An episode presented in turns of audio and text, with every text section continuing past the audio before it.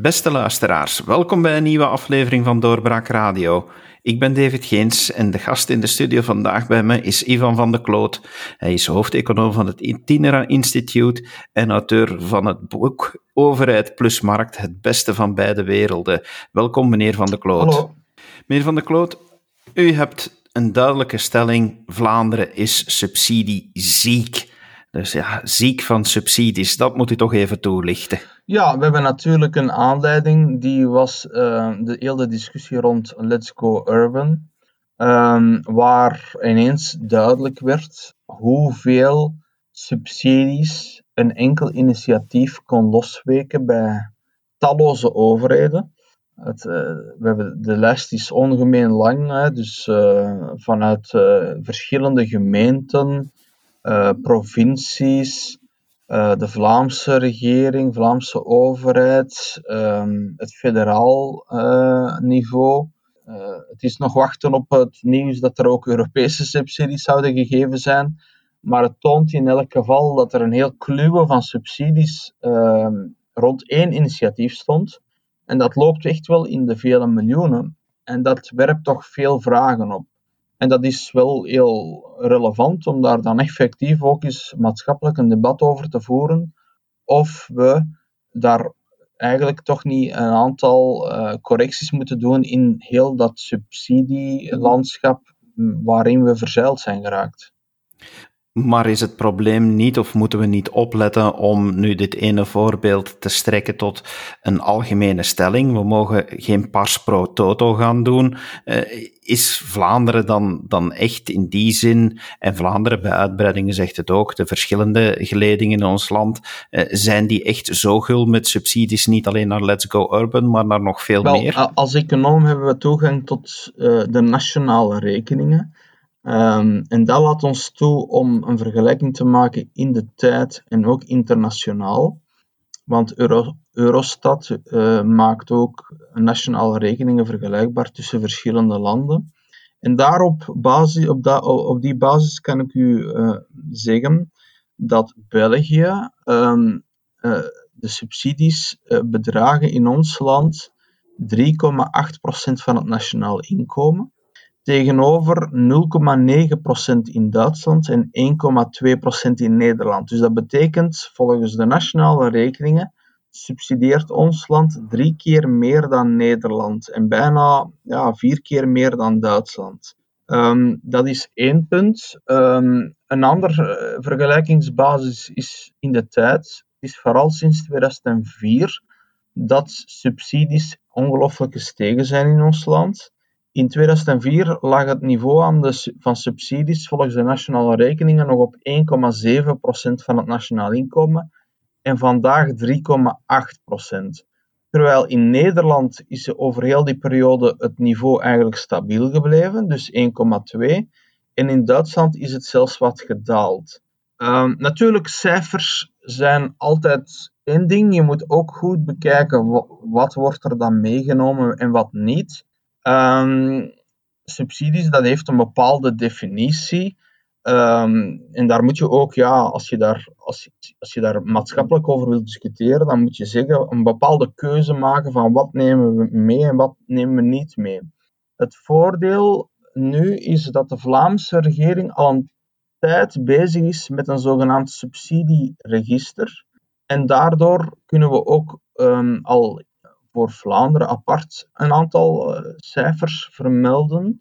Um, zij hebben op basis van hun eigen definitie voor subsidies volgens de Vlaamse Codex Overheidsfinanciën de subsidies geraamd van het Vlaamse niveau alleen op 13,3 miljard euro. En dat heeft toch heel veel mensen omvergeblazen dat alleen al op Vlaams niveau het over zo'n gigantische hoeveelheid geld gaat. Um, de definitie die de Vlaamse overheid gebruikt, is die van een uh, overdracht van middelen, financiële middelen, um, verstrekt voor een activiteit die het algemeen belang dient. Um, zonder daarin rekening te nemen zaken die met een tegenprestatie te maken hebben. Nu, dat is al een interessante definitie en dan toont je ook voor een stuk een boekhoudkundige fictie, namelijk de definitie van Vlaanderen is het gaat over inkomensfinanciële ondersteuning voor het algemeen belang. Maar dat is nu net de grote vraag of al die subsidies altijd wel het algemeen belang dienen. En dat is natuurlijk voor mij als econoom een heel belangrijke invalshoek. Worden we eigenlijk, uh, zijn we kritisch genoeg naar wat we subsidiëren en ook de wijze waarop controleren we dat? En het antwoord daarop is, um, we zitten daar typisch nog altijd met groeipijnen of, of nog, we hebben nog heel veel werk omdat um, we zijn ooit met begrotingen gestart um, en de toetsing daarvan is altijd heel legalistisch geweest. En dat betekent dat we controleurs hebben die in de boekhouding officieel komen kijken, is dat geld effectief uitgekeerd aan de organisatie? Dat is al een eerste belangrijk punt. En, en dan hopen we, en dat normaal hoort dat erbij, is er ook een toetsing van heeft men het geld gebruikt voor het doel waarvoor de subsidierende instantie het bedoeld had. En dus ja, in de, de fameuze zaak rond ehm, Let's Go Urban gaat dat dan over. Ja, er is een gebouw gekocht en gerenoveerd. Is het geld daarvoor gebruikt? Is het niet afgewend naar andere zaken, zoals privérekeningen van bepaalde individuen en dergelijke? Maar als econoom is dat maar de, de eerste, de laagste lat waaraan een evaluatie moet voldoen. Is het geld effectief gebruikt en niet verduisterd? De, voor, voor, voor de maatschappij is het minstens zo belangrijk dat er ook een evaluatie gebeurt naar de doeltreffendheid en de doelmatigheid. Dat zijn twee verschillende zaken.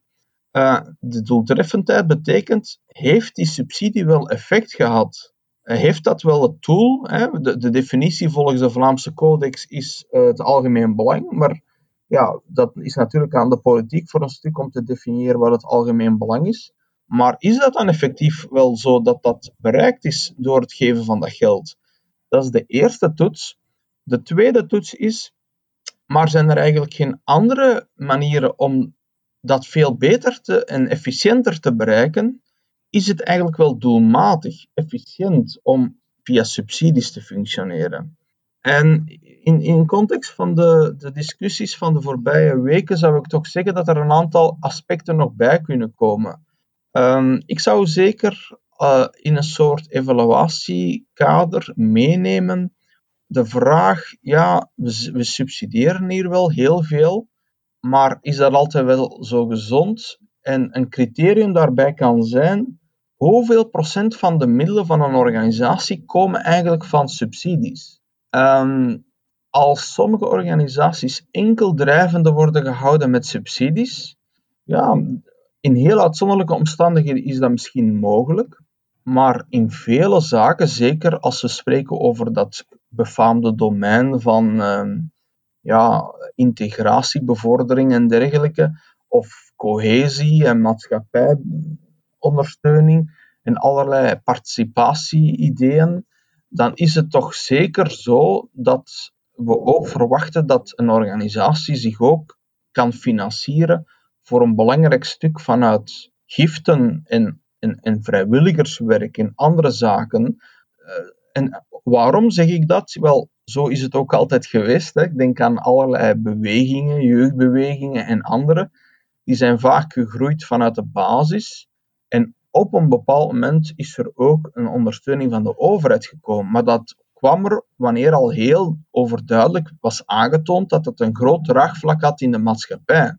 Dat is iets heel anders dan dat iets compleet alleen maar drijvende wordt gehouden door subsidies. Nu, het subsidieveld is heel divers en breed.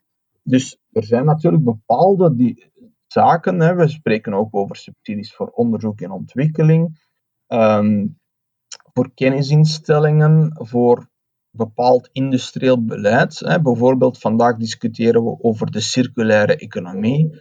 Zorgen dat er economische activiteiten als zij grondstoffen gebruiken, dat die in hun finaal product, dat dat finaal ook terug in kring gesloten wordt. Hè. Recyclage is eigenlijk niet helemaal het juiste woord, maar dat er helemaal niets verloren gaat, dat finaal alles terug opnieuw opgenomen wordt in een nieuw productieproces na het gebruik van het goed.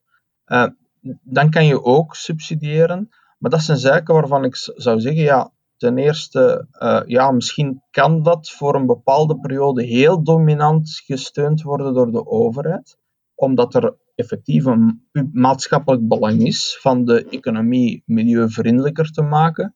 Um, omdat de markt daarin kan falen, dat is een belangrijk criterium. Ik kom daarop terug. Je moet altijd voor elke overheidsinterventie een echt goede, fundamentele verrechtvaardiging hebben waarom de overheid optreedt. En dan moet er een maatschappelijk belang in het geding zijn. Dat kan vaak in de vorm zijn van een soort marktfalen. Als je de markt ongeremd laat doen zonder enige correctie, dan zou het mogelijk zijn dat er te veel vervuiling wordt veroorzaakt en te weinig zorg voor het milieu. En dan kan je inderdaad ook zoiets stimuleren als de circulaire economie. De vraag is dan voor wel voor een stuk, ja, dat is vaak noodzakelijk of denkbaar om daar dan iets in gang te zetten. Een duwtje in de rug van een nieuw segment in de economie. Uh, maar na een tijd moet dat op eigen benen kunnen staan. Dus dan creëer ik een extra criterium. Ja, subsidieer je iets tijdelijk, kortstondig, of ga je zover om iets jarenlang in stand te houden via subsidies? Dat zijn allemaal verschillende dimensies en daar, daar hebben we echt een grote reflectie over nodig. Er zijn toch ook heel wat subsidies, meneer Van der Kloot, die niet in de tijd beperkt zijn en die ook naar de economie gaan. Ik denk bijvoorbeeld subsidies voor opleidingen van werknemers in, in heel veel vormen, uh, herscholingen. Ja, economie, de economie in Vlaanderen draait op zoveel punten op, uh, op subsidies, toch blijkbaar. Ja, we moeten dat dan ook, dat debat voeren, um, sector per sector. Um, is ook bijvoorbeeld een heel belangrijk thema rond innovatie en onderzoek. Ehm, wat je altijd goed, je moet altijd, wat je nodig hebt, is een controle van de uitgaven van de overheid. Officieel is daar het parlement uh, toe geroepen. Nu, sommige zaken gaan een beetje ehm, vaak het petje te boven van het parlement.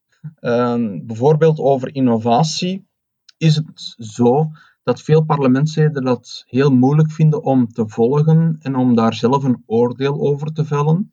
Uh, maar toch zeg ik altijd, ja, je kunt natuurlijk allerlei experten bevragen, maar je, moet, je kunt dat niet volledig abdiceren. Je kunt niet je verantwoordelijkheid als een parlement ontlopen om daar toch u eh, over te ontfermen.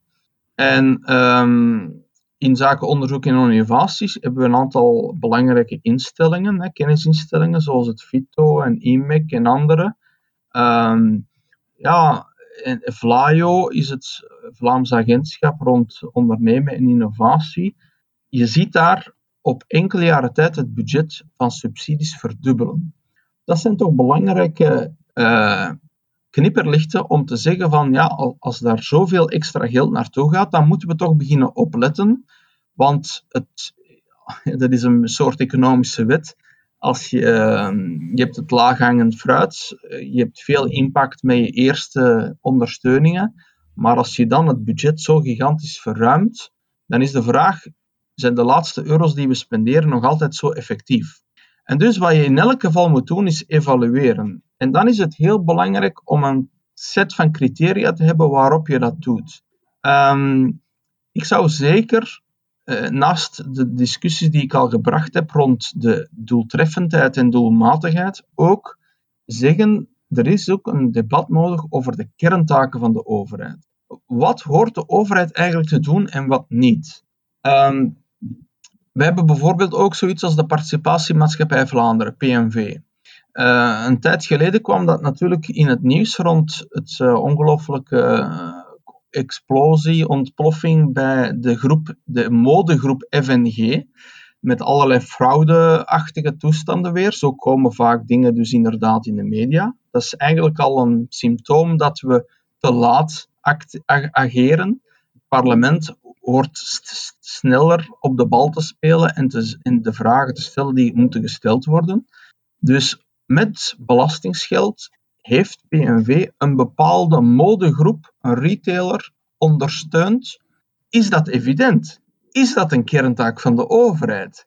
Ik kan u zeggen dat de concurrenten in de sector dat helemaal niet evident vinden. Er zijn andere bedrijven die niet ondersteund worden. En dan is de vraag, in welke mate is het oké dat een overheid in een concurrentiële omgeving één speler subsidieert of ondersteunt en andere niet? In welke mate trekt de overheid dan um, de concurrentie scheef? En dat is ook weer zoiets waar heel weinig over nagedacht wordt, of te weinig. Want uh, afhankelijk van domein tot domein zal men zeggen, ja, maar wij doen wel al in, in vele dossiers een evaluatie. Dus opnieuw ja, is de vraag, meet men dan effectief ook de maatschappelijke impact op een goede manier? Maar de andere vraag is, ik zou bijvoorbeeld heel graag een onderzoek zien rond heel veel subsidiekanalen van de overheid met de vraag en hoe, wat is de impact van al die subsidies op het ecosysteem in die betreffende sector? Als je Vito subsidieert, dan zijn er privé onderzoeksinstellingen, onderzoeksbedrijven, die daar concurrentie van ondervinden. Als je dat doet met enkele miljoenen euro's, dan heeft dat een beperkte impact. Maar als je daar de budgetten begint te verhogen, dan begint misschien toch wel een zone te bereiken waarin je in een gevarenzone komt, waarin je het ecosysteem dreigt te vertekenen of te beschadigen. Denk ook aan de subsidiëring van VRT. Ik denk dat het heel evident is dat de vraag moet gesteld worden. Ja, er zijn altijd mensen die zeggen dat de VRT meer subsidies moet krijgen, want dat is positief voor het ecosysteem van de media. Maar er zijn evengoed mensen die zeggen dat door de grote subsidiëring van VRT het ecosysteem van de media net beschadigd wordt. En te weinig kritische zin aan bod komt en te veel een dominantie is vanuit één bepaalde strekking. Wel, dat zijn vragen die je regelmatig moet stellen. Dat is ook een belangrijk iets. Je moet dat regelmatig evalueren. Um, want dingen veranderen ook in de tijd. Uh, ja, krijg je niet het feit dat je ook moet kijken naar de complexiteit van het systeem? Want nu krijg je een subsidiesysteem waar het soms meer de kunst is om te weten welke subsidie je moet krijgen, dan dat de subsidie terechtkomt waarvoor ze bedoeld is. Er is een hele industrie zelfs ontstaan omtrent het advies en verkrijgen van subsidies, waar men zelfs met een no-cure, no-pay formule blijkt te werken. Ja, bijvoorbeeld, er recent kwam aan, het licht dat de groep DPG, de, de mediagroep achter, wat is het allemaal, eh, VTM en het laatste nieuws en andere, dat die 1 miljoen euro subsidie kreeg voor de omscholing van personeel. Nu, wat ik zou wensen, wat ik normaal zou vinden, bijvoorbeeld als parlementslid, is dat er in het dossier dat daarvoor moet opgebouwd worden om dat te kunnen evalueren, het volledige plaatje aan bod komt. Ik wil niet alleen de argumenten voor en tegen van die 1 miljoen weten, ik wil een zicht krijgen op welke ondersteuning er al in zijn geheel wordt gegeven aan de mediasector en ook aan dat specifieke bedrijf. Bijvoorbeeld in zaken allerlei subsidiekanalen, een gunstig fiscaal regime, de post uh, die uh, gratis kranten ronddeelt of aan een verlaagd tarief en dergelijke. Dat zijn allemaal ondersteuningen van mediabedrijven. En dat moet je allemaal in zijn geheel evalueren als je discuteert over en gaan we daar bovenop, boven alles wat we al reeds doen, ook nog eens een miljoen extra spenderen. En ik kan u één ding zeggen, dat dat onvoldoende gebeurt, dat er volledige plaatje in kaart wordt gebracht. Van, en, en, en dat is ook die noodzaak van die subsidieregister uh, van de Vlaamse overheid. Want wat blijkt, dat verschillende overheden helemaal niet weten dat zij niet de enige zijn die subsidiëren. Maar dat is toch cruciaal. Als ik zeg dat als, als legitimatie van een overheidsinterventie in kaart moet gebracht worden wat het maatschappelijk belang is, dat betekent eigenlijk wat zijn de baten van een bepaalde activiteit, maatschappelijk? Bijvoorbeeld op zoiets als het reduceren van, het, van milieuoverlast of op het vlak van mediadiversiteit of andere doelstellingen, ook in de sociale sector. Wat zijn de maatschappelijke baten en wat zijn de maatschappelijke kosten? Maar als ik geen zicht heb op welke andere overheidsinstellingen ook al allemaal subsidiëren, ja, dan kan ik eigenlijk niet beoordelen of mijn extra euro die ik daarbij op die hoop opleg, eigenlijk een euro te veel is of een euro te weinig. En dus um, wij moeten daar, gegeven die gigantische explosie van subsidies, hè, ik heb het geschetst internationaal in, in, in, in de tijd, moeten we dat toch wel echt heel ernstig beginnen nemen. En ik, ik beschrijf dat ook in mijn boek um, Overheid plus Markt. Uh, een bepaalde minister die op een bepaald moment zegt over een ecologiepremie, een ecologiesubsidie. Ja, um, die, we hebben ooit dat geëvalueerd, maar daar zijn we mee gestopt, want dat was te complex. Dan is dat toch opnieuw een groot knipperlicht. Als een minister dat zegt in het parlement, dan zegt hij eigenlijk, ja, we, hebben, we geven zoveel subsidies, en we krijgen dat allemaal niet meer gecontroleerd en geëvalueerd. Dus dat, met die evaluatie zijn we gestopt. Wel, dan moeten ze misschien al eens een stap vroeger de vraag stellen: als er zoveel dingen worden uitgedeeld, of dat er niet een stap te ver gaat. Um, basisanalyse in mijn boek, Markt over plus markt, gaat erover dat er verschillende actoren zijn in de economie, in de maatschappij. En de overheid is niet de enige. Maar wij zij, zitten in een heel etatistische omgeving. Men kent in dit land een heel grote rol toe aan de overheid. Maar dat is niet altijd zo gezond. Je moet ook nadenken over de kolonisering of de verplettering van die andere actoren in uw maatschappij. Um, de andere zijn, ja, je hebt ook de markt, dus die wordt geacht voor, de, voor welvaartscreatie te zorgen. In welke mate koloniseert of verplettert de overheid die uh, motor door allerlei interventies. En bijvoorbeeld, als ze begint zaken te subsidiëren, beschadigt ze dan niet andere onderdelen van de economie. Uh, dat is een belangrijk debat vandaag. Um, er worden heel veel zaken ondersteund vandaag. Is dat allemaal wel zinvol? We moeten toch ook een, zo, een zogenaamde creatieve destructie hebben. De, de economie gaat vooruit door een soort uh, selectieproces waarin niet rendabele, niet toekomstig gerichte activiteiten verdwijnen en vervangen worden door gezonde, toekomstig gerichte activiteiten. Vaak is het zo dat de overheid geld subsidieert bij zaken die niet, geen, niet per se een vatbare toekomst hebben. Ja, dan zijn we kosten aan het maken op het sterfhuis. Dat kan niet de bedoeling zijn. Uh, maar de overheid kan ook het middenveld koloniseren of verpetteren. Um, ik heb becijferd in mijn boek dat in andere, eh, een aantal landen um, er veel meer niet gesubsidieerd middenveld is. In ons land zijn bijna 70% van de jobs in het zogenaamde middenveld zijn gesubsidieerde jobs. Terwijl in Engeland, in een aantal andere landen, een veel groter stuk van, het, van de civiele maatschappij totaal zelfstandig uh, zelfredzaam is, zonder, werkt zonder enige subsidie.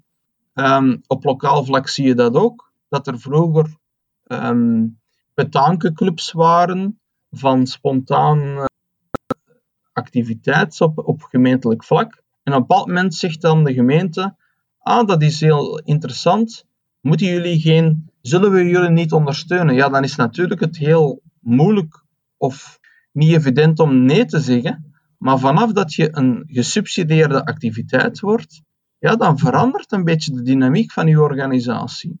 En waar ik um, voor pleit, is het respect voor verschillende sferen in onze maatschappij. Want, en dat is wat Schumpeter, de econoom Schumpeter in de jaren 30 van vorige eeuw voor waarschuwde, als de sfeer van de overheid altijd verder uitdijnt, dan begint, ja, dan is eigenlijk heel de maatschappij binnen de sfeer van de overheid getrokken. En dan begint dezelfde logica overal gehanteerd te worden, een overheidslogica. En ik heb niks tegen de overheid, maar de overheid moet binnen haar opgelegde limieten blijven. En ze moet ook respect hebben voor de autonomie van de andere sferen, van de markt, maar ook van de civiele maatschappij. Nu, wij zijn daar een moeilijk land, want wij hebben de zuilen. En die zuilen hebben altijd voor een stuk een heel innige verhouding gehad met de overheid, gesubsidieerd en machtsstructuren en ook zelfs het afvaardigen van parlementsleden en politici. Dus wij zijn daar op heel etatistische basis uh, vertrokken en heel veel van de subsidies volgen ook dat patroon. Uh, en, dat, je kent ook bijvoorbeeld in, de, in de gezondheidszorg, in het onderwijs, de zuilen die hun deel van de koek moeten hebben. En dus een deel van de verklaring waarom ons subsidieniveau zoveel hoger is dan in andere landen, heeft te maken met de verzuiling die nog altijd heel uh, sterk leeft in ons land.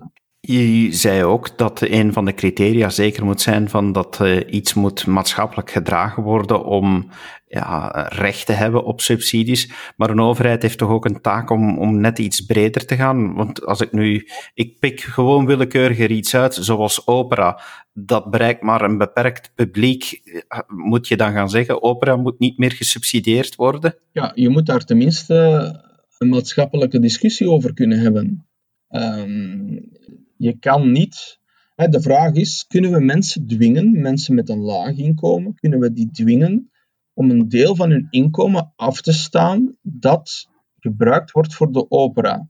Ja, dat is in ons land is de overheid vooral gegroeid door het bedienen van alle belangengroepen.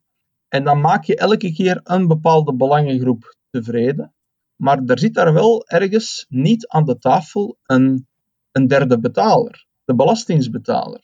En dat zie je ook in, de, in al die bedrijfssubsidies. Uh, onder uh, muiters zijn die gigantisch toegenomen.